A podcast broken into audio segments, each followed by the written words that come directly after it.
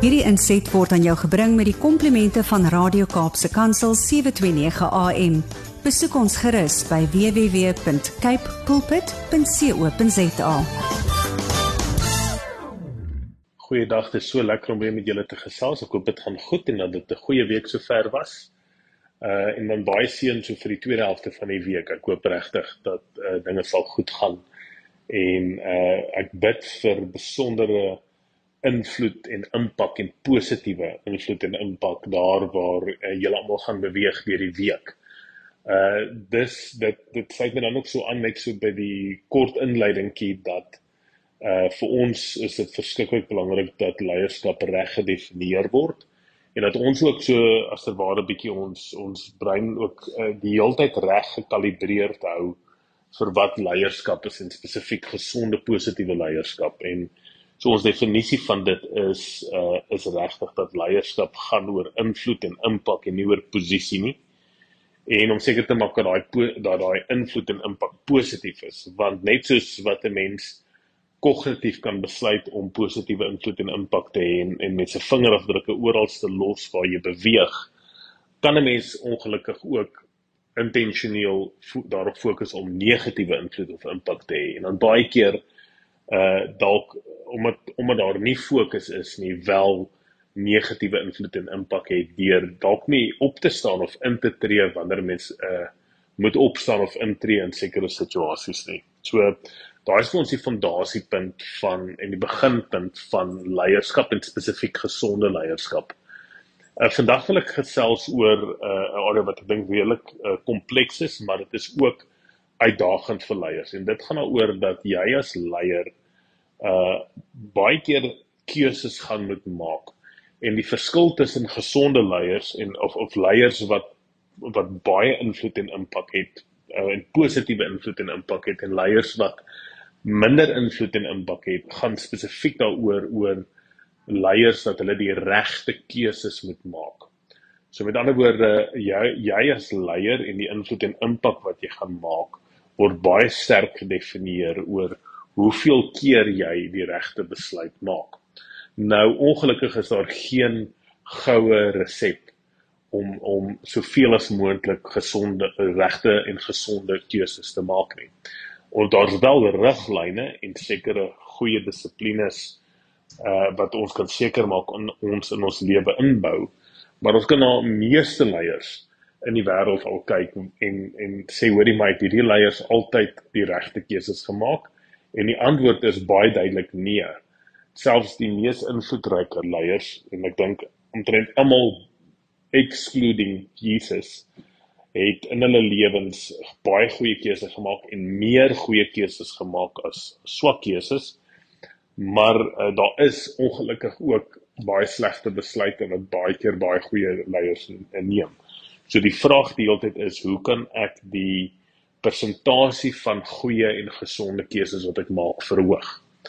En daar is 'n paar paar uh, belangrike goedjies. Die eerste belangrike ding is dat jy moet seker maak wanneer jy besluite maak, jy die regte mense in ag neem en die regte mense in jou lewe konsulteer wanneer daar wel 'n baie belangrike besluit wat gemaak is moet raak. Nou baie keer moet 'n mens ongelukkig besluite neem op die ingewing van die oomblik. En dis hoekom dit belangrik is om seker te wees wat jou waardesisteem is en en wat hoe jy daai amper as 'n ware 'n checklist gebruik om die besluite te maak en ons het al 'n klomp keer um, daaroor gesels in hierdie programme. Dit gaan daaroor dat jy as leier moet seker maak dat jy nie seermaak nie maar dat jy opbou jy moet seker maak dat jy nie steel of iets net neem uit ander mense se lewens uit nie maar dat jy toevoeg tot onder ander mense se lewens en die laaste een is dan om seker te maak dat jy nie mense mislei nie maar dat jy as ter ware waarheid spreek in situasies. So as jy daai drie waardes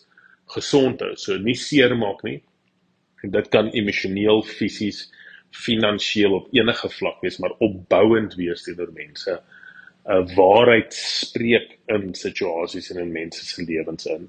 En dan om seker te maak dat jy uh nie net neem nie of wegneem of steel by ander mense nie, maar dat jy toevoeg tot mense se lewens vir my en my seentjies is dit verskriklik belangrik hierdie laaste beginsel is om te sê dat ons is nie mense wat uh wat neem nie, ons is mense wat toevoeg of byvoeg daar is. So as ek by die werk is om nie net dinge te neem uit die werk het nie, maar as dit ware wat is die waarde wat ek toevoeg vir die mense daar? Vir ons en die kinders in die huis het ons ook en ek sê 'n bietjie meer volgende week oor dit gesels, maar hoe leef jy 'n lewe wat toevoeg en nie net uh neem nie? En in Engels woord, uh, how do you not consume but how do you contribute jy ook al is?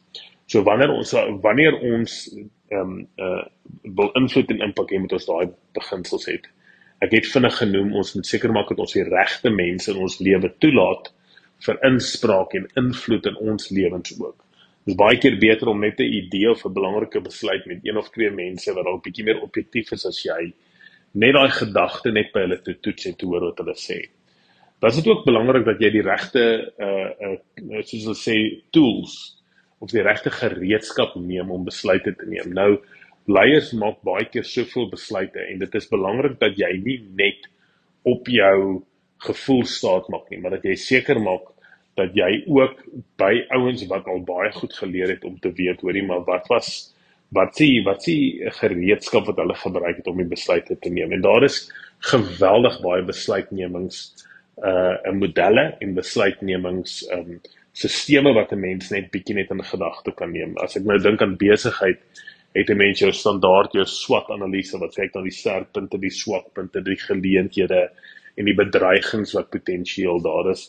So is dit belangrik wanneer jy op groot skaal vlakke 'n besluit neem om te dink wat is die politieke, die ekonomiese, die sosiale, die tegnologiese potensiële invloed en impak wat jy in ag moet neem.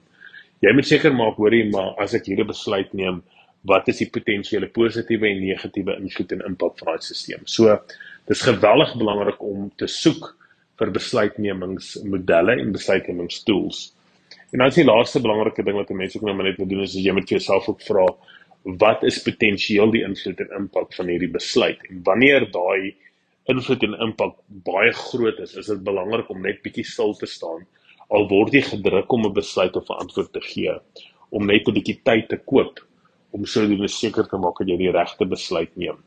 Dan is dit ook baie belangrik om ander mense ook te lei en te begelei en in te sluit in dit. So met ander woorde, wanneer iemand jou 'n spesifieke vraag vra of jy besluit moet neem oor 'n ding, maak seker dat jy met die mense op die grondvlak koneksies het, weet wat gaan aan op grondvlak sodat jy dit daai probleem kan oplos.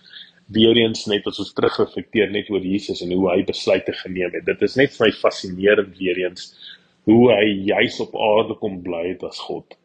En uh by opgrondvlak met die mense kon hoor, kon sien wat hulle uitdagings is, kon sien waar die probleme lê en vanuit daai hoek uit nadat hy terwyl hy mense hoor en in mense se lewens is, regtig waar net regte besluit op regte besluit voortdurend geneem het. Baie sterk ons bid baie vir julle mag dit 'n goeie dag en 'n goeie week wees en baie seën vir julle almal totsiens. thank you